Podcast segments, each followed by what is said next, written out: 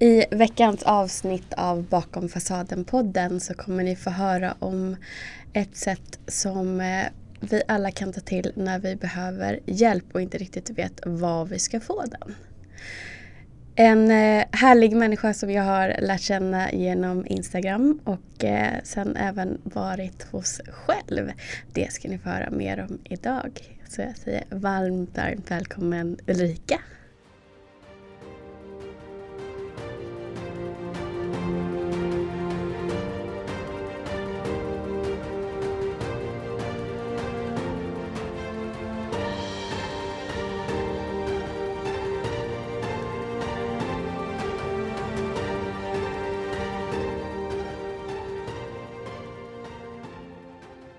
Så mycket. Det är spännande och roligt att vara här. Jag har sett fram emot det. Ja, jag med. Mm. Och jag tycker också att det är så roligt när, när man träffar någon som vi sa när vi möttes upp vid tvärbanan igår. Att det känns ju som att vi redan känner varandra. Mm. Det, det, är ju så härligt också för att det är ju vissa människor som man verkligen känner den där första kontakten man ser en story eller ett inlägg på Instagram. Och så är det precis som att det är någonting som det skapar någon slags igenkänning. Att ja, men den här människan gillar jag instinktivt. Mm. Av någon anledning. Vi har någonting gemensamt. Eller, ja, det, det är kul. Och att faktiskt sedan också få tillfälle att träffas. Det, är, mm. det är något extra. Ja men verkligen. Mm. Eh, när jag har lärt känna dig genom Instagram så har jag slagits av att jag tycker att du är väldigt eh, Du är förtroendeingivande. Jag känner mig trygg. Jag älskar din röst eh, och hur du pratar. Mm. Och ja, Jag känner mig bara trygg. Mm. Och jag kan tänka mig att det är en stor tillgång också i det arbete som du gör, som vi ska prata om idag. Det är ju faktiskt eh, en av de sakerna som jag får kommentarer på eh, och mycket uppskattning för. Just att människor känner sig bekväma med min röst och det är jag otroligt tacksam för. För det är ju ett viktigt verktyg helt klart med det jag jobbar med. Mm. Mm. Så jag tänker vi ska prata lite först om just vad är det du jobbar med? NLP, vad är det för någonting? Vad är det för typ av hypnos? Um, och syftet med det här avsnittet för mig är för att det är många just nu som uh, lider svårt med ångest. Mm. Och det är ju många av dem som också du möter som mm. kan få hjälp mm. av den här typen. Uh, av vad ska man säga, behandling. Eller, mm. ja. ja, absolut, det är det. Eh, och det är ju stora områden eh, vi pratar om. Men jag tänker att eh, både du och jag kommer ju någonstans ifrån idag och den som lyssnar på det här kommer också någonstans ifrån. Så om det är okej okay med dig så tänkte jag att vi kanske kunde börja med att bara landa. Ja, faktiskt. Jättefint. Och ett jättefint sätt att göra det, det tycker jag är att man bara lägger handen över hjärtat. Mm. Så om du som lyssnar vill göra det också. Kanske blunda och ta ett par lite djupare andetag. Bara andas in genom näsan. Håll andan lite kort och sedan bara andas ut genom munnen. Och andas in genom näsan.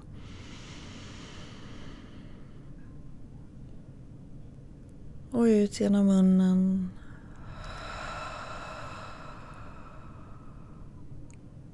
Och en gång till. In genom näsan.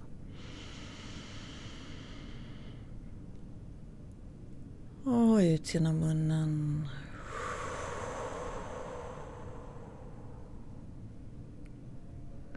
Och bara känna in att du är närvarande precis just här just nu. Och kanske du är tacksam för att vara i det här ögonblicket. Jag vet att jag är det.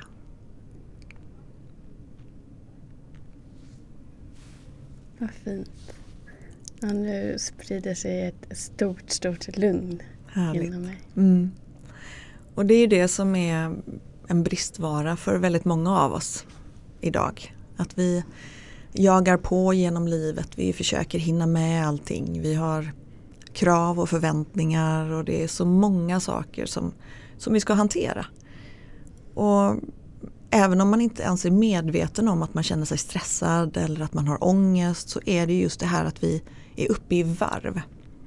Mm. Och det möter jag ju hela tiden och jag känner ju in det själv. Jag har ju personligen erfarenhet av utmattning och att leva i en väldigt dysfunktionell och destruktiv relation.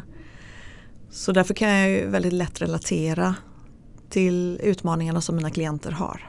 Mm. Och det tror jag kanske är en stor del av att många upplever att jag kan möta dem på ett sätt som gör att de känner förtroende. Jag har varit med om mycket och jag har sett mycket och jag har haft klienter och utbildningar för människor som har mått väldigt, väldigt dåligt. Och det känner jag är en stor fördel. Mm.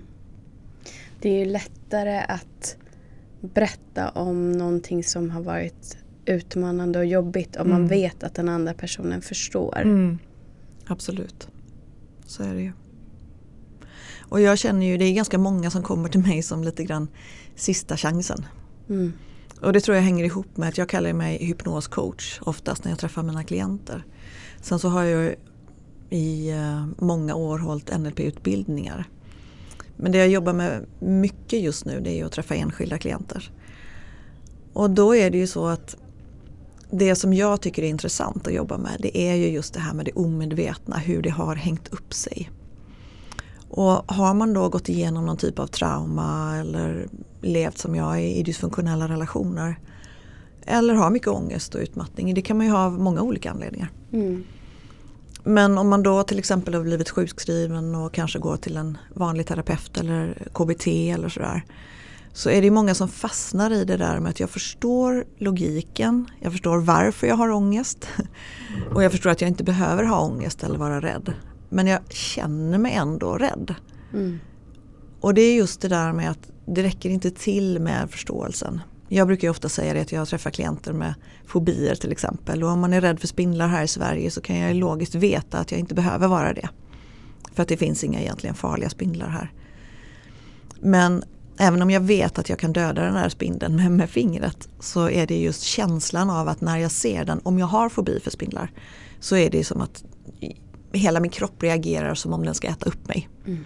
Och det är just det där med att logiken, det här medvetna tänkandet inte räcker till när det är någonting i vårt känslomässiga mående som har hängt upp sig. Ja, det, är just, det där känner jag igen väldigt mycket och det har också min terapeut pratat om. Mm. Jag, för, jag hör att du förstår det här intellektuellt mm. men att det liksom fastnar mm. i huvudet. Precis. Och att man rationaliserar men samtidigt så finns den här emotionella eh, icke-förståelsen mm. för att det har inte integrerat i kroppen. Nej, precis.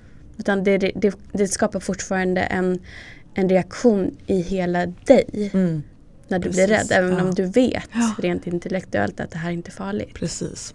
Och då är det ju tyvärr så många gånger att vi till och med går in och, och kritiserar eller dömer oss själva. Ja, ja, absolut. På grund av att varför känner jag så här, varför skapar jag den här känslan? Eh, eller ofta känner det som att den här känslan bara attackerar mig. Vi tror att vi är maktlösa, att vi inte kan göra någonting åt det. Och det stämmer ju inte riktigt, det finns ju saker vi kan göra åt det.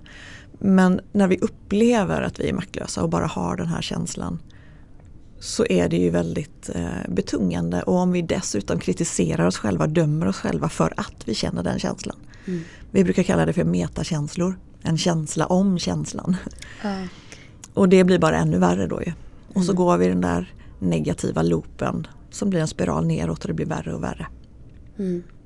Blir det så att det nästan förstärker rädslan när jag inte tillåter mig ens att känna den mm, ordentligt? Absolut. Mm. Jag hade faktiskt klient eh, precis igår som, som beskrev just det här med att jag är rädd för ångesten. Ja. Och ångest i sig är ju en rädsla. Mm. Så när vi blir rädda för rädslan och verkligen kämpar för att hålla emot den så att den inte ska komma jag brukar säga att ju mer motstånd du gör desto mer kämpar ångesten för att komma upp. Mm. För ångesten eller rädslan i sig har ju egentligen bara ett budskap om att det är någonting du behöver förbereda dig för. Det är någonting du behöver hantera. Mm. Men när vi inte tillåter oss att känna det så kommer ju vårt försvarssystem, ditt omedvetna, att jobba ännu hårdare för den vet ju att det är någonting som den vill att du ska förbereda dig för. Och många gånger tror vi att det ska vara någonting fruktansvärt. Men det kanske bara är någon liten grej. Som om vi tillät oss att känna det från början inte skulle behöva bli någon stor eh, ångest eller eh, panik eller vad det nu är för något vi upplever. Mm. Det där för mig till att tänka på eh, just när jag levde med mycket ångest Mm. så kunde jag identifiera att rädslan var egentligen eller ångesten var en, en varningssignal för att nu kan det här som har gjort mig illa tidigare hända igen. Mm. Och så kom det en stor reaktion och det blev ångest och jag kanske just där och då tappade connection med vad är egentligen jag är rädd för. Jag kände inte några rationella tankar där och då. Nej. Men när jag började sen jobba med okej, vad är det där min kropp säger mig? Vem i mig är det som är rädd? Ja. Och hittade egentligen tillbaka till ursprungsrädslans uppkomst. Mm. Då kunde jag vända det Ja. och också lära mig att vara här och nu och grunda mig så som vi gjorde lite nu i början. Antingen genom mindfulness, eh, längre övningar eller lite kortare bara andningsövningar. Mm. Att förankra mig i att jag är här och nu, jag är inte där. Precis. Då gick det gradvis bort och nu har jag inte haft den typen av ångest Nej. på väldigt länge. Mm. Eller för mig är väldigt länge, ja, snart ett år. Ja. ja, det är ju länge. Mm. Absolut. Ja.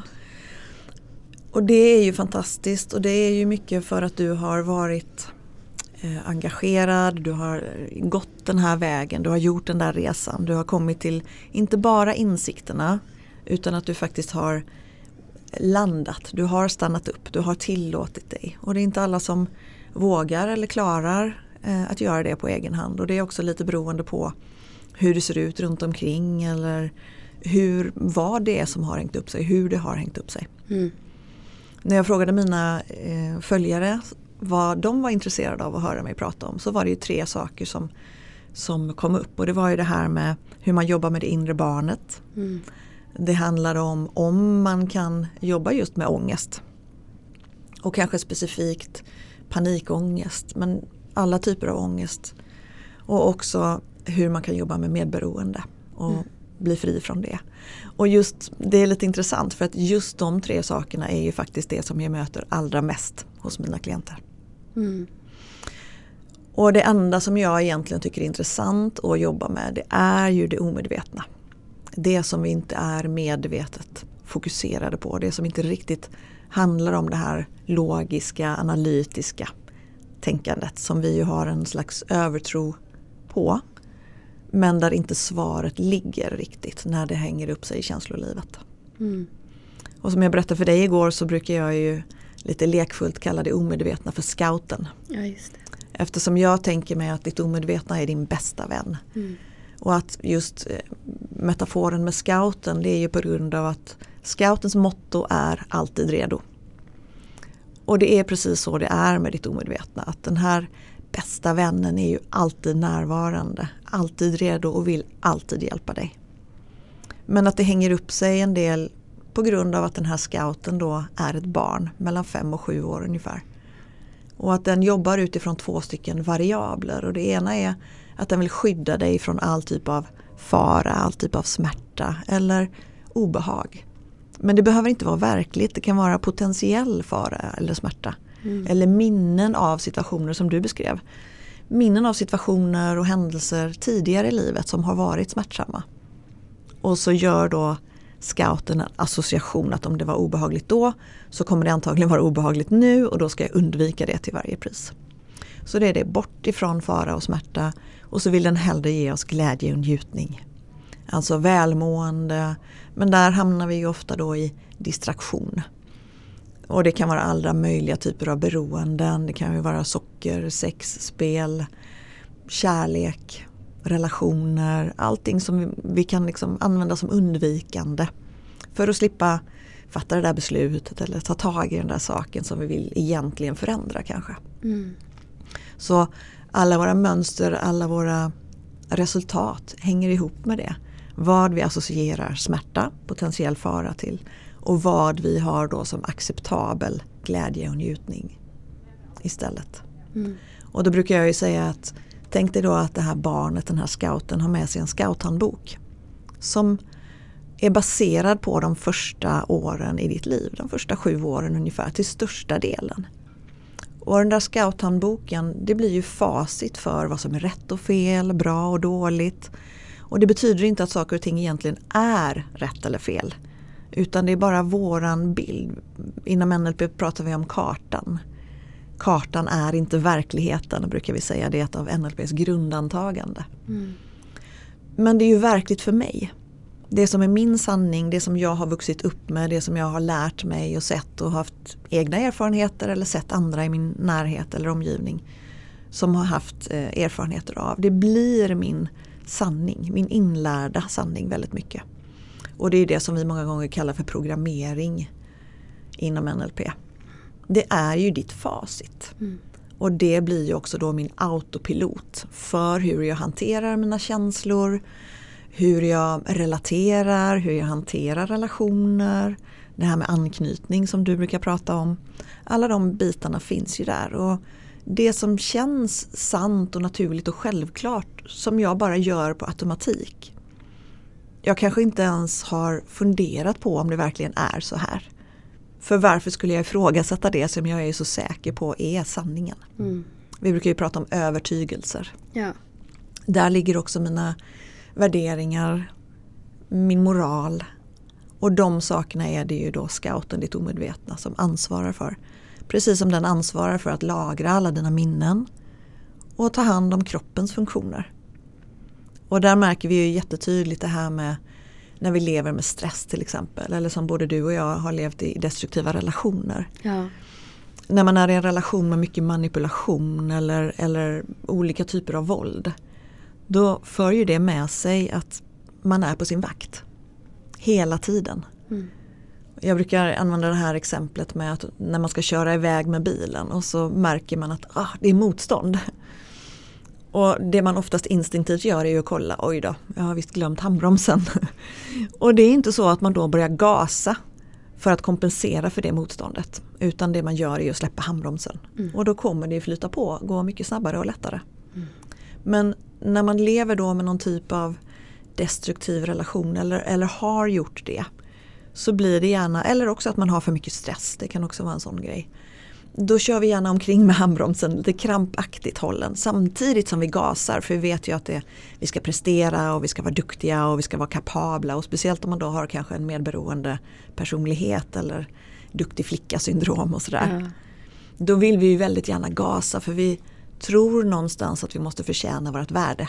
Absolut. Det hänger mycket ihop med det, prestationsbaserad självkänsla. Mm. Och den här scouthandboken Eftersom det är min manual till hur jag ska leva mitt liv så kommer jag ju göra det automatiskt. Den har blivit uppdaterad genom livet. Så om man tittar på identitet till exempel. Den jag trodde att jag var när jag var fem år kommer antagligen vara lite annorlunda än den jag tror att jag är idag. Men om vi då säger att jag som barn inte riktigt har fått bekräftelse. Jag kanske inte har fått den där villkorslösa kärleken. Jag har någon typ av otrygg eh, anknytning. Låt oss säga att jag brukar ta exemplet med att du kanske har ritat en teckning. Du är två, tre, fyra år. Har ritat en teckning och så förväntar du dig då någon typ av bekräftelse. Någon som ser dig, någon som speglar dig, någon som kanske bekräftar att det du har gjort är bra. Och att den du är är bra. Men om vi inte får det. Kanske våran förälder är vad vet jag, berusad eller frånvarande. Kanske den är upptagen med sig själv, sin egen ångest eller en konflikt med medförälder eller vad det nu kan vara för någonting. Det är ju inte egentligen något stort övergrepp. Mm. Det är inte någon, någon, det som människor tror ska vara ett trauma. För då tänker man ju ofta på stora saker. Mycket mm. våld eller eh, känslomässig misshandel eller så. Det här är helt enkelt bara en sårbarhet. Men när det sker, om jag då inte har varit med om det tidigare, så finns det liksom ingen referens i min scouthandbok. Så jag kommer inte att veta hur jag ska hantera det här. Och då kommer scouten, då, ditt omedvetna, att känna av att här finns någon typ av obekvämlighet eller obehag. Kanske man känner sig ensam, kanske man känner sig avvisad. Det behöver inte vara någon stark känsla men det är obehagligt. Mm. Då brukar jag säga så här att scouten tar en stor svart sopsäck och lägger ner den här, hela den här upplevelsen i källaren i en soptunna med locket på. Och det är ju just för att skydda från det där obehaget. Men sedan så kommer då scouten att bevara den där upplevelsen, trycka ner den där i soptunnan. Och nästa gång någonting liknande händer så har jag ju fortfarande ingen referens i scouthandboken. Alltså vet jag fortfarande inte hur jag ska hantera det där. Men scouten vet att det finns en referens i soptunnan. Mm. Så den, bara det finns minsta likhet, för scouten generaliserar. Och det gör den på grund av att den ska förenkla för oss. Så nästa grej hamnar också i soptunnan och nästa och nästa och nästa och nästa. Mm. Och alla de där grejerna bevaras där och det skapar en typ av mönster, en sårbarhet. Där jag då lär mig att den här typen av situationer, relationer, känslor är farliga. Och att jag förstår att jag kan inte hantera dem. Jag vet inte vad de betyder och det skapar ett obehag. Men scouten förvarar dem på grund av att den vet att i de här sopsäckarna finns det en, ett guldkorn. Och det är lärdomen som jag hade behövt för att kunna uppdatera min scouthandbok. Och så fungerar det när jag väl har fått lärdomen. Till exempel om vi, om vi tar det här med teckningen. Om min förälder sedan hade kommit och tagit mig i knät och sagt att förlåt att jag inte hade tid med dig då men nu vill jag jättegärna titta på din teckning och, och det hade inte med dig att göra utan det var bara jag som var upptagen med någonting annat. Men nu vill jag jättegärna titta. Då hade vi kunnat plocka upp den där sopsäcken och förstå att jaha, det var inte fel på mig, det var inte fel på min teckning, det var bara omgivningen som inte hade förmågan att möta mig där och då. Och då hade jag fått referensen i scouthandboken. Men eftersom den sårbarhet som fanns vid det tillfället oftast finns kvar eftersom jag lever under samma förutsättningar många gånger. Då blir det mönster och det blir identitet. Och det blir det som är mina livsregler, mina begränsningar. Så sedan 5, 10, 15, 20 år senare så kanske någon liten grej händer. Någon tittar på mig lite snett eller jag ser någon annan som reagerar på någonting. Och helt plötsligt så får jag en jättestark reaktion. Och så börjar man döma sig själv. På grund av att man tycker, åh oh, vad töntigt, varför reagerar jag så här starkt? När det här bara var en liten, liten sak. Mm. Men det är då på grund av att det blir som stubinen som går ner till den där soptunnan. Och får upp en explosion av allt annat gammalt skräp. Mm. Och då blir vi ofta skrämda för att det blir en så stark reaktion. Det vill vi inte ha att göra med såklart. För det kan bli en jättestark ångest och då kommer vi instinktivt att försöka trycka ner det igen. Och så återgår vi till det. Men med den där känslan av att vi är på vår vakt. Och det möter jag ju nästan hos alla mina klienter. En känsla av att jag, har ett alarmsystem igång. Mm. Konstant, mer eller mindre. Och det är ju otroligt slitsamt. Det, det skapar väldigt mycket slitage på fordonet, alltså kroppen. Mm. Eh, och det är ju där vi känner och upplever våra känslor. Man blir ju otroligt trött. Mm. Framförallt upplever jag att ja. när, när, man måste vara hela tiden eh, ja, på alerten. Och, och, jag tänker lite så här som liknelse som man drar när man förklarar vad högkänslighet är. Mm. För att där ser man ju också att de som inte är födda som högkänsliga med det personlighetsdraget ändå kan utveckla samma typ av känslighet för att kunna avgöra är jag trygg här eller inte. Mm. Eller behöver jag sova med ena ögat öppet? Ja, så att säga. ja absolut. Och det är ju jättevanligt oavsett om man kommer från någon typ av eh, destruktiv eh, uppväxt eller, eller inte. Eller om man har levt i, i destruktiva relationer just det här med att alarmsystemet är igång. Alltså om jag kör omkring med handbromsen på så kommer det ge ett slitage. Ja. Och det är samma sak här, det, det dränerar energi. Och det hänger också mycket ihop med att om du tänker dig att scouten då är ansvarig för alla de här sakerna som vi har tryckt ner och tryckt undan i källaren. Mm. Det tar ju en massa energi. Så scouten kommer inte kunna vara lika närvarande i din återhämtning, i din läkning, i de här funktionerna som i vanliga fall behöver den energin. Och då märker vi ju det här med till exempel sömnstörningar, vi får eh, huvudvärk, vi får någon typ av magkatarr eller mm. andra magproblem. Ehm, det kan vara olika typer av allergier, migrän, utslag, alla möjliga grejer som hänger ihop med att, att vi inte har tillgång till vår läkning just för att scouten delvis är upptagen med att trycka ner och hålla undan så mycket. Mm. Och det påverkar ju väldigt, väldigt mycket. Mm. Ja men det är ju så med, med all typ av stress oavsett vad det bottnar i. Mm. Att det skapar ju reaktioner i kroppen.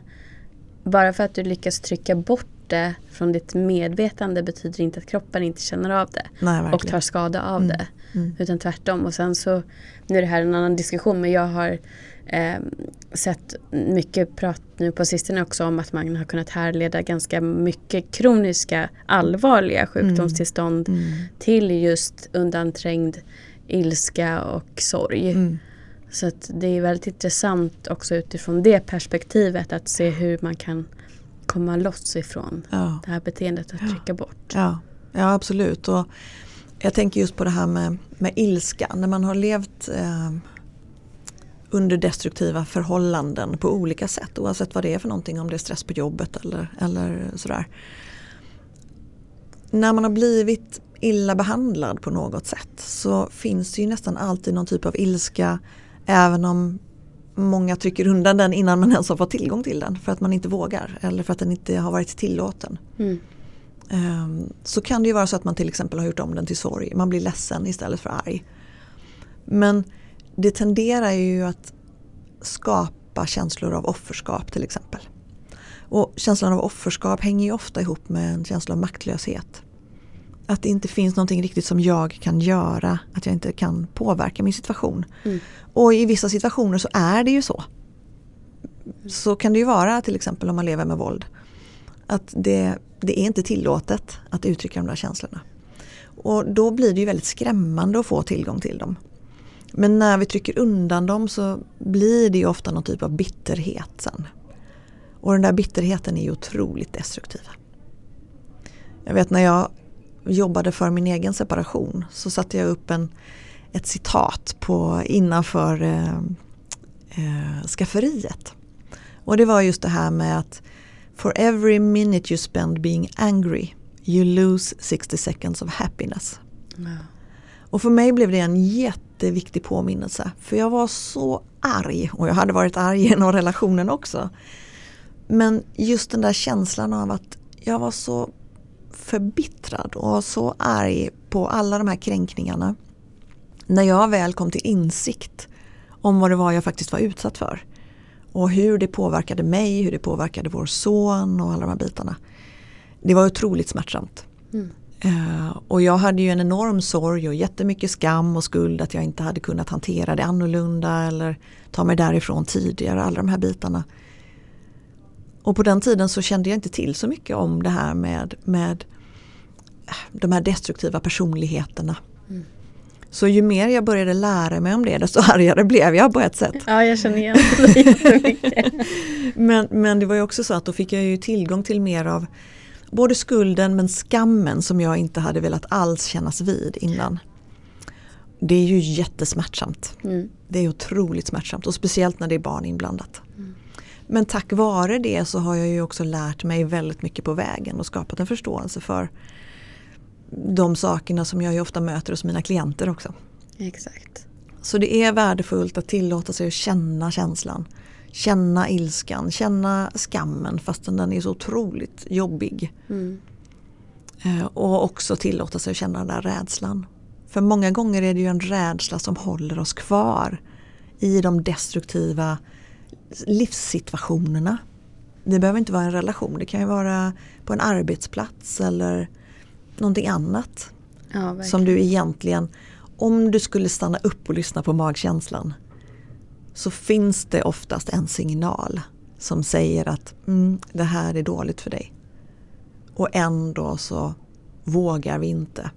Mm. Av någon anledning och det finns många anledningar. Ja, och just det här med magkänsla och trauma. Mm. Det blir ju så att man måste lära om hur magkänslan verkligen talar till en. Mm. Eftersom den lär sig att också varna Ja. för sånt som inte längre är någon fara. Mm. Så att man liksom läka och lära om, göra Ja. om, göra rätt. Absolut, absolut. Jo men så är det ju. Det är ju som att det, vi får ett överkänsligt varningssystem. Ja, Alltså, det är som att neurologin, de- den kör omkring med handbromsen på. Just för att det som vi var med om, där vi ju från början hade behövt li- lita på magkänslan. Om jag till exempel går, går till mig själv så hade jag ju magkänslan där. Den signalerade ju att jag skulle ta mig därifrån. mm, men jag rationaliserade, jag gick in i det här kapabla, jag skulle lösa situationen, jag skulle rädda familjen och honom och allt vad det var. Där var ju magkänslan relevant och riktig. Men när jag väl började ta mig ur, och det här hör jag också hela tiden, att det blir en överkänslighet. Så att även när det inte alls är någon fara, ungefär som med spindeln, mm, jag kan logiskt medvet vara medveten om att äh, men det här är okej eller den här relationen skulle vara okej att utforska. Men mitt varningssystem är inte bekvämt med det. mm, Och då kan det också vara så att man blir överkänslig för sina känslor. Så man stänger av och stänger ner allting. Och det är lite grann som med utmattning. Då gör man ju ofta det på grund av att i utmattningen så är man ju så otroligt känslig för alla typer av känslor. Så även om vi börjar känna glädje eller lycka så blir det, alltså det triggar stresssystemet mm, och överlevnadsmekanismen kan gå igång fast den egentligen är en positiv upplevelse. mm, Så absolut, man får lära om. mm. Och eh, som du säger, när man inte har medvetenhet om vad det är som egentligen händer och man inte vågar titta på vad det är som verkar så läskigt. Då får man ju inte heller proportioner på vad, vad som verkligen är riktigt hot eller vad som är någonting som var ett hot för mig Mm. när jag var mellan fem och sju år. Nej. Så det är där det mycket ligger och jag pratar mycket om det just att försöka skapa större medvetenhet hos sig själv. Att ta det som att det här är mitt ansvar nu. Mm. Och just att, känt, att ha känt väldigt länge att det är någonting som skaver och att som du sa att magkänslan varnar och att man trycker bort det, man rationaliserar, Mm. man lägger fokus på en annan person. Mm. Men det som jag upplever genomgående med de framförallt kvinnor som hör av sig till mig också Mm. är ju att vi når ändå till en viss punkt när det inte går att blunda längre. Mm. Och det kan vara att ångesten har blivit för återkommande och förstärkt. Så var Ja. det för mig. Mm. Och då blev det som att antingen så får du leva med det här Mm. eller så är det dags att börja titta inåt och vad är det som egentligen pågår Ja. och ta till hjälp. Ja, absolut. Jag brukar säga att vi förändras bara via desperation eller inspiration. Och desperationen det är ju när smärtan har blivit olidlig. Alltså när det är någonting som, som gör att nej, nu är det för mycket. Det, det, och det spelar ingen roll om det är i en relation eller om det handlar om att ta hand om hälsan eller på arbetsplatsen eller vad det nu är för någonting. När det blivit för illa, för jäkligt helt enkelt. Då hittar vi den där drivkraften oftast som gör att vi åtminstone, vi kanske inte vänder på allting på en gång för det kan vara jättetufft att göra. Men det är någonting som får bägaren att rinna över. Ja. Jag vet till exempel exakt var jag var någonstans, var jag stod och hur samtalet lät. När jag på något sätt kom till insikt om att Nej, men det här är, helt, det är så sjukt så det kommer, jag kommer aldrig kunna lyckas rädda den här relationen och den här personen. Och sen så tog det ju två år innan jag hade fått ut honom från lägenheten rent fysiskt. Så, men jag vet ändå att det var där. Det var i det ögonblicket det blev för mycket. Och den där inspirationen som ju är motpolen då, det är ju helt enkelt att det är tillräckligt lockande med någonting annat. Mm. Vad det nu kan vara för någonting, att, att man skapar någon typ av framtidsbild och väljer att investera sin tillit i den. Man vågar börja bli nyfiken. För om jag har en lockande framtidsbild så är det lättare att faktiskt ta de där stegen bort ifrån det som jag både vill och behöver förändra för att kunna må bra. Mm. Och många gånger är det ju en kombination. Mm. Så det är både bort ifrån smärtan och till det där lockande som känns mer inspirerande istället. Ja, det kan ju också vara, tänker jag, en känsla av att vara fast och inte veta hur man ska komma vidare. Mm.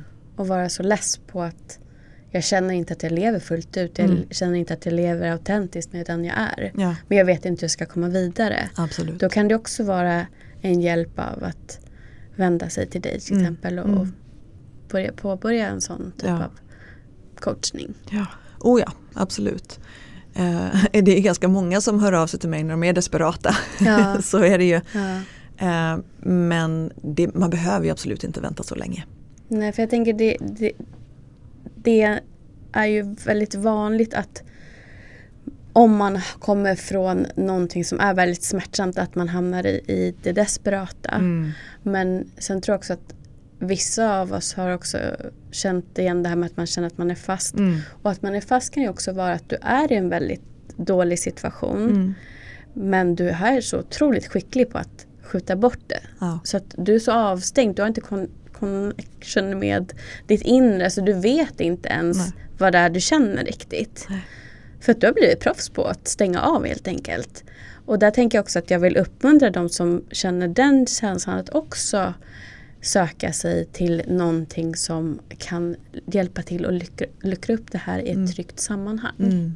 Precis. Att man inte bara ska tänka att ja, men jag måste vara där att jag känner att jag inte står ut längre för Nej. att söka hjälp. För Nej. det är ju inte så. Nej, och många gånger kan det ju vara just det här som, som Alltså man känner att man är missnöjd helt enkelt. Man Ja. känner att det är inte bra. Men man vet inte, precis som du säger. att Man kanske till och med har stängt av så lång tid så man är lite bedövad nästan. Ja. Men det är ju också ett, ett varsel, ett tecken på att det inte är så som du vill. Och absolut kan det vara värdefullt att titta på det då. Mm. Och jag tänker om jag bara ska beskriva lite grann hur det kan gå till när man kommer till mig. Du fick ju prova lite grann igår Mm. så du får jättegärna berätta du, hur du upplevde det. Ja.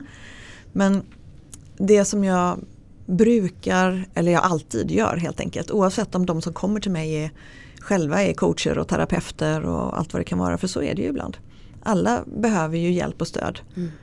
Även jag gör ju det. så att Även om man har stor förståelse, man kanske har gått igenom hur mycket som helst och tycker att man redan kan och vet eh, allting eller vad det är som gör att man mår som man mår. Jag börjar alltid med att gå igenom den här beskrivningen med scouten helt enkelt. Och det är för att många gånger så blir det lite enklare att ta till sig den typen av beskrivning än att man ska gå in på okej men det här händer i hjärnan och de här, eh, det här är egot och det här är överjaget och, och alla de här olika benämningarna. Jag vill göra det så enkelt och praktiskt som möjligt så att man på något sätt kan relatera till det för sig själv. Och under tiden jag gör det så, så kopplar ju jag kontakten till just scouten. Så allting jag gör och, och jobbar med är ju i syfte att underlätta den interna förändringen. Så jag använder ju ett hypnotiskt språk även när jag bara sitter, bara, så att säga, sitter och pratar med klienten om de här sakerna. Och det är ju på grund av att scouten tar allting personligt. Så även om jag berättar den här metaforen med handbromsen Mm. eller någon annan metafor så kommer ditt omedvetna då att gå igenom scouthandboken och soptunnorna och fundera på aha, hur relaterar det här till mig? Mm. Och sen såklart så är jag ju intresserad av din upplevelse. Hur relaterar du till det här när jag berättar om soptunnorna, när jag berättar om scouthandboken? Vad påminner det dig om? Och hur tror du, vad kan finnas i dina soptunnor till exempel? Och även innan sessionen så har jag ju skickat ut några frågor till klienten som den får besvara. Så redan där kommer ju den här processen att starta upp egentligen. Eftersom man fokuserar då på vad är det för någonting jag känner mig missnöjd med eller som, där det skaver lite grann. Och hur skulle jag vilja ha det istället. Sedan brukar jag ganska ofta göra någon typ av NLP-process. Och det är ju helt enkelt övningar som är hypnotiska. Även om man inte kallar det för hypnos alla gånger så handlar det ju helt enkelt om att ta kontakt med det medvetnas sätt att kommunicera. Och då är ju det strategier helt enkelt. Hur kan jag gå från där jag är, där jag ju på något sätt är missnöjd, till dit jag vill komma. Vad kan det vara som har hindrat mig? Vilka resurser behöver jag för att faktiskt kunna komma dit jag vill? Och sedan hur kommer det vara när jag är där? Och då finns det en mängd olika övningar som man kan jobba med för det. Och när man då, det är lite beroende på hur lång tid vi har på oss. Eh, och också såklart vad det är man vill ha hjälp med. Vilken typ av övning vi gör. Men när man gör en sån övning så sätter man ju också igång processen. Det kommer upp en del svar eftersom man ofta då till exempel gör en förflyttning i rummet. Men också att man gör det oftast med slutna ögon. Bara det gör ju att det blir lättare att få kontakt med de inre svaren. Istället för att söka utanför oss själva. Mm. Och när vi har gjort det sedan så brukar vi då övergå i någon typ av hypnos. Och där är det ju väldigt ofta, jag ska väl säga 90-95% av alla första sessioner jag gör handlar om att på ett eller annat sätt komma tillbaka till barndomen faktiskt. Där man då jobbar med det vi kallar för det inre barnet. Och för min del så är det ju oftast väldigt värdefullt att tänka sig att man gör den resan tillbaka. Så att man själv som vuxen kommer och möter det där lilla barnet. För även om det inte har varit några stora traumatiska övergrepp och situationer så, så finns det någon typ av sårbarhet, någon typ av obalans, någonting man hade saknat och som man skulle behöva för att kanske kunna växa upp med en starkare självkänsla, med andra mentala strategier, med en förståelse för hur man kan hantera både sig själv, sitt mående, sina känslor och relationer med människor runt omkring. Och när man då får tillgång till de resurserna och får följa med sig själv genom den parallella barndomen som jag kallar det. Mm. Och hur det hade kunnat vara. Det är ju så här att hjärnan, vet ju du, kan inte skilja på fantasi och verklighet.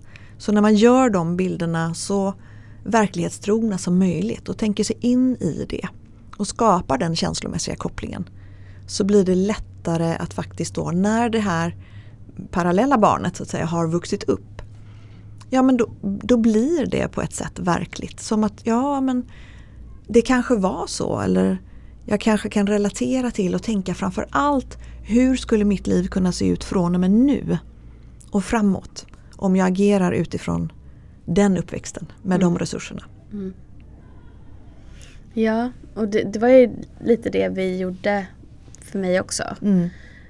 Um, och dels så var det en övning vi gjorde först som uh, var att jag stod i mig själv och sen stod jag i han jag träffar mm. och sen en åskådare som var opartisk och mm. kunde se oss båda. Mm.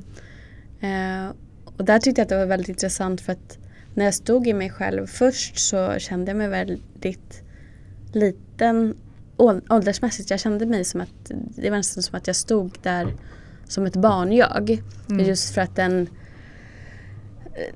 det är där min skyddsmekanism har skapats. Ja. Samtidigt som att jag vet rationellt att det här är någonting som följer med mig upp på grund av tidigare erfarenheter. Inte för att han hotar mig idag mm. på det sättet. Mm. Um, och sen då när jag stod i hans eh, lilla del där mm. så kunde jag se mig själv utifrån det och ja, vara mer ja, nej men det, förstående men också stadig och trygg i, i sig mm. och sitt. Mm. Och sen då som åskådare kunna säga, ge exempel på hur skulle ni kunna hantera den här situationen. För att det finns ju fortfarande kvar det här i Helena mm. och någonting som han då inte känner igen som har en tryggare bakgrund. Mm. Hur kan ni mötas? Mm.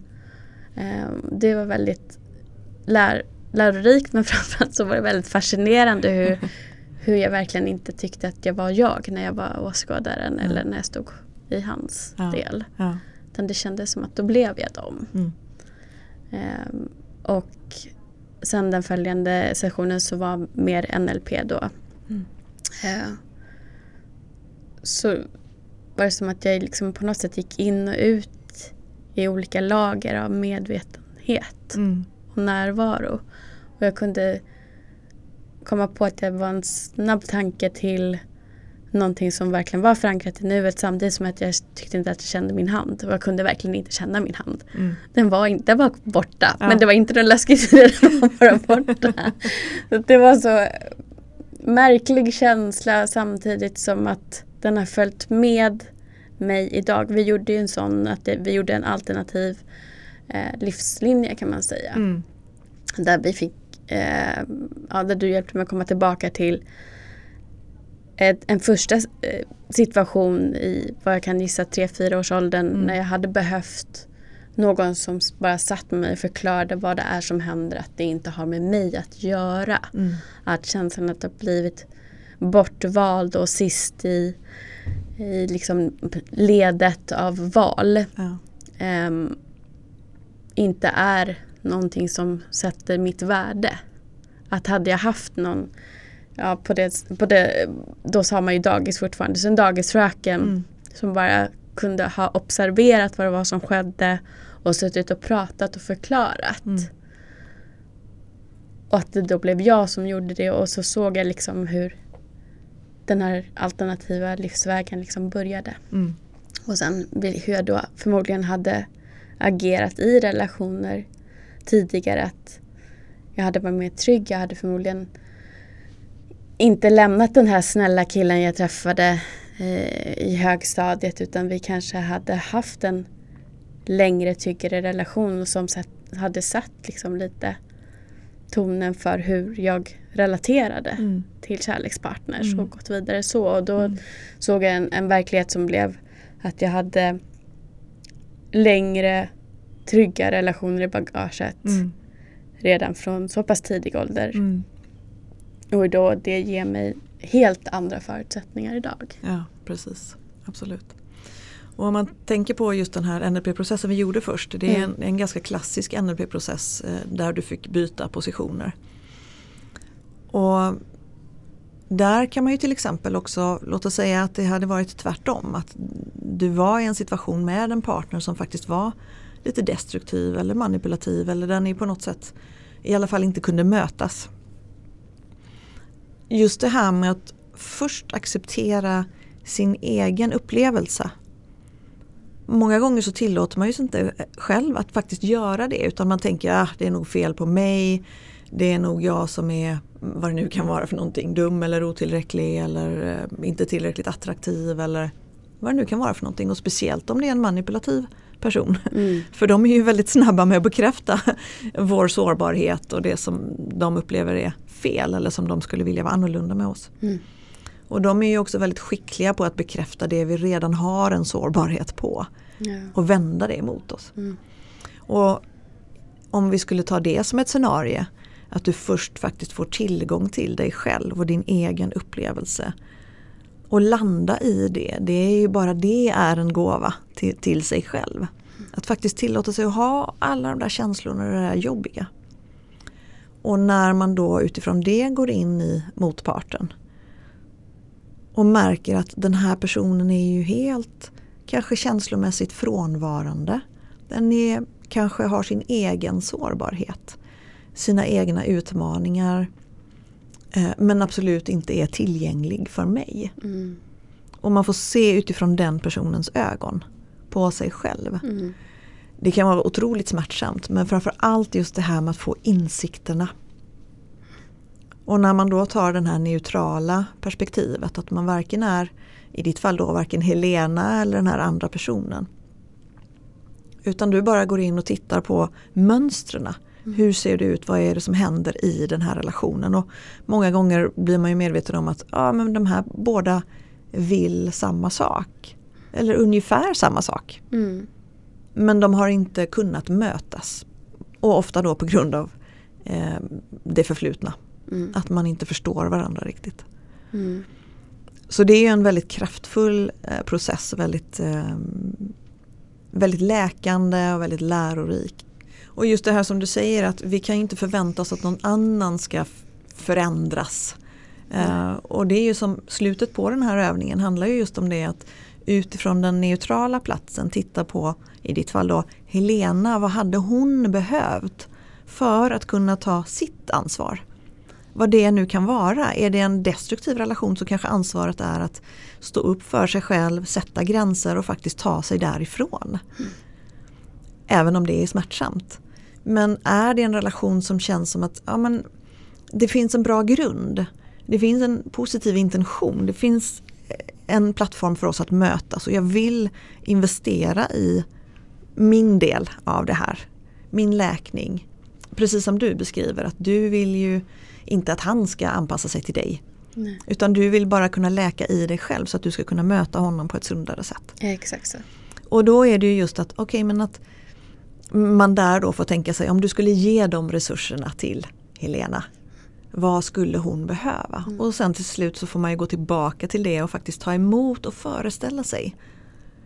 Och det intressanta är ju att när man faktiskt gör det och upplever att man har fått de resurserna så är det ju väldigt spännande för grejen är att det enda som har hänt är ju att du har tillåtit dig att ha kontakt med dem.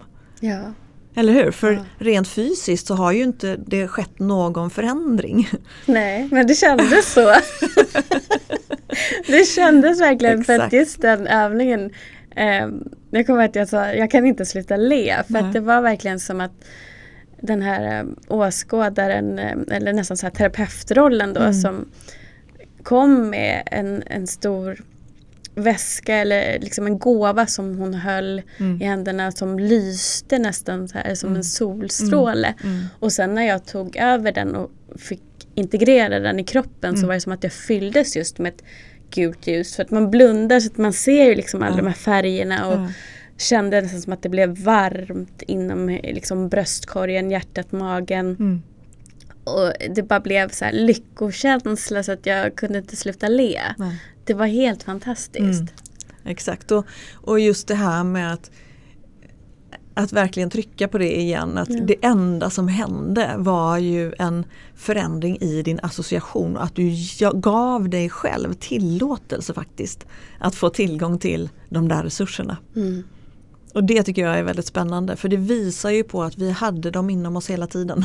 Ja, det, det, var bara det att det var, det var liksom den här vägledningen och processen, de här stegen du fick gå igenom förut. Som du då associerade till att ja okej okay, men nu kan jag tillåta mig att känna mm. det här som faktiskt får mig att le med ett stort och fantastiskt underbart leende. Mm. Och det är ju så otroligt fint att få vara med. Jag är ju otroligt uppfylld av tacksamhet och ödmjukhet när jag får, när jag får följa människor igenom de här olika typerna av förändringsprocesser. Och många gånger till exempel om vi tittar på det här med det vi gjorde sedan som var mer av den hypnotiska delen då där du fick gå tillbaka till ett inre barn. Båda de här processerna kan man ju till exempel använda för att läka medberoende. Mm.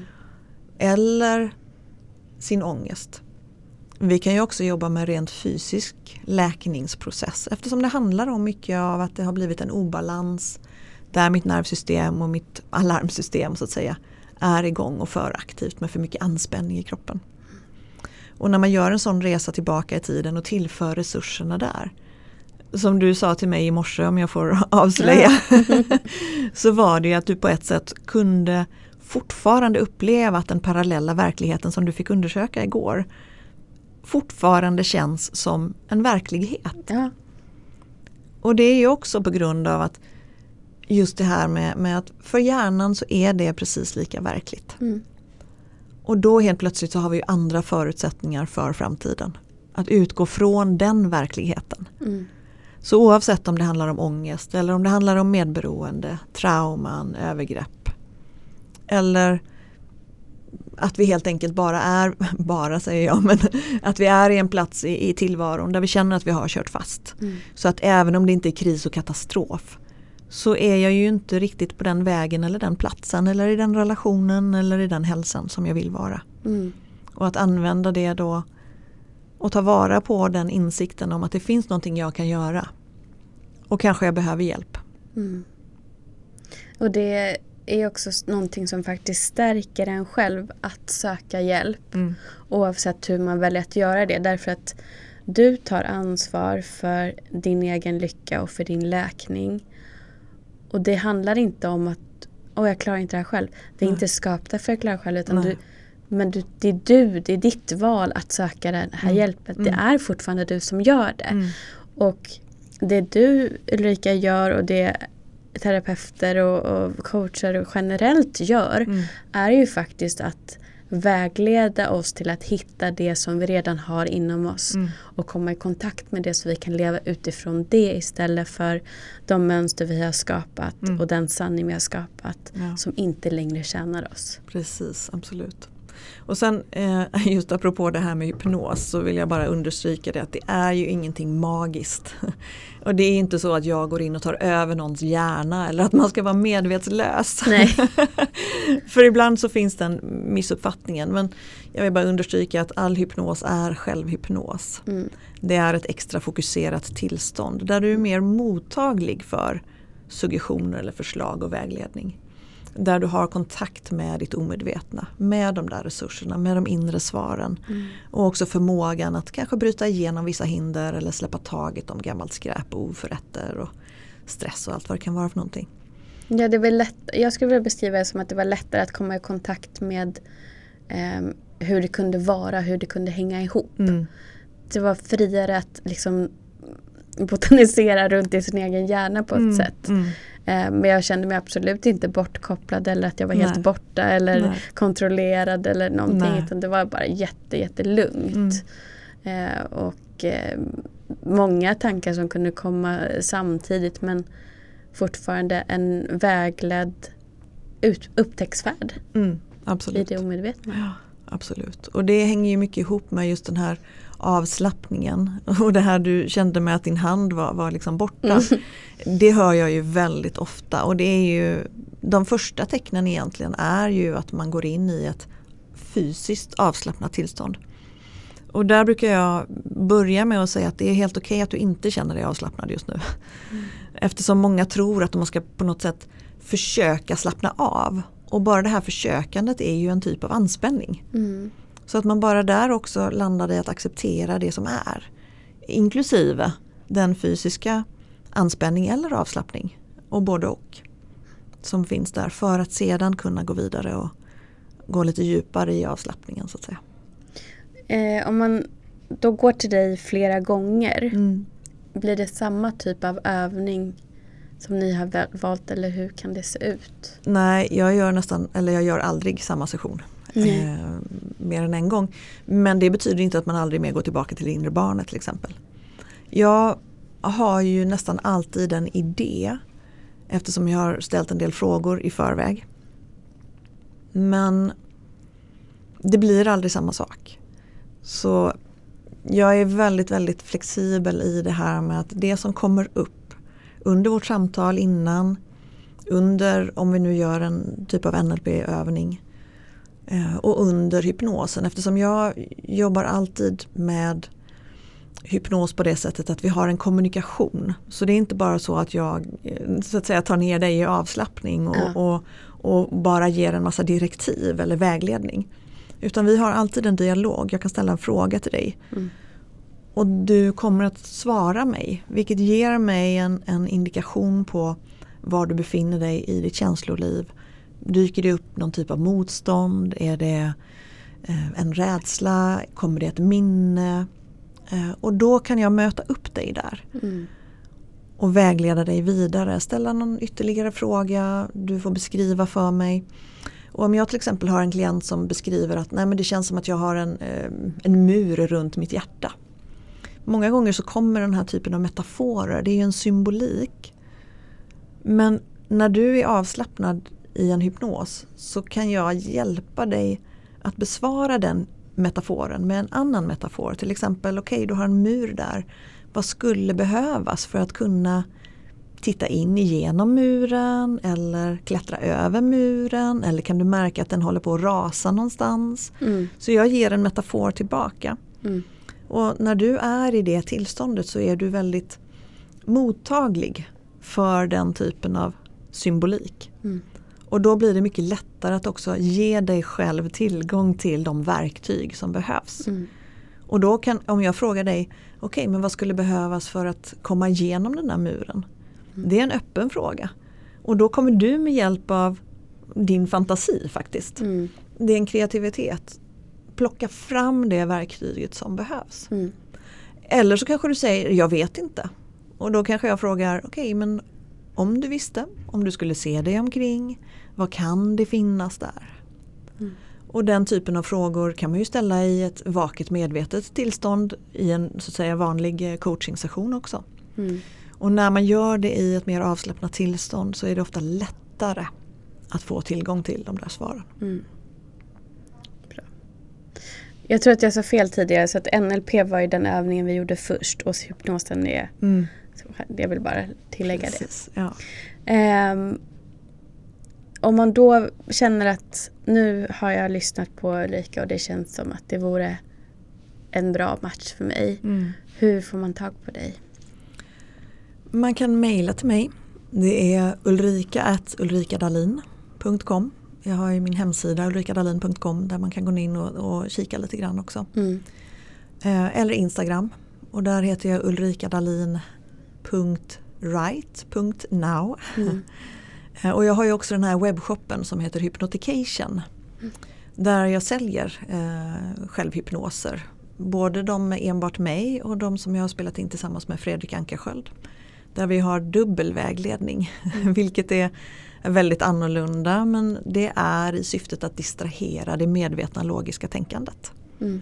Så det är också ett eh, väldigt fint självverktyg att använda sig av. Då länkar jag till de Instagram-sidorna och Mm. din hemsida så att ni som lyssnar och är nyfikna gå in till beskrivningen av det här avsnittet så kan ni hitta de länkarna. Absolut. Tack så jättemycket för sessionen igår, för vägledning, för fin vänskap och för att du är här idag. Tusen tack till dig Helena. Jag, det känns jättefint att vara här och, och jag gillar verkligen det du gör. Ditt fantastiska engagemang. Det är så värdefullt och viktigt. Och tack till dig som lyssnar. Ja. Tack så jättemycket för dina fina ord och eh, tack också till dig som lyssnar, delar och fortsätter ge mig mitt syfte till att eh, fortsätta med det här och nå ut till er. Så jag hoppas att det här har varit lika givande för er som för mig. Tills vi hörs nästa gång, ta hand om dig.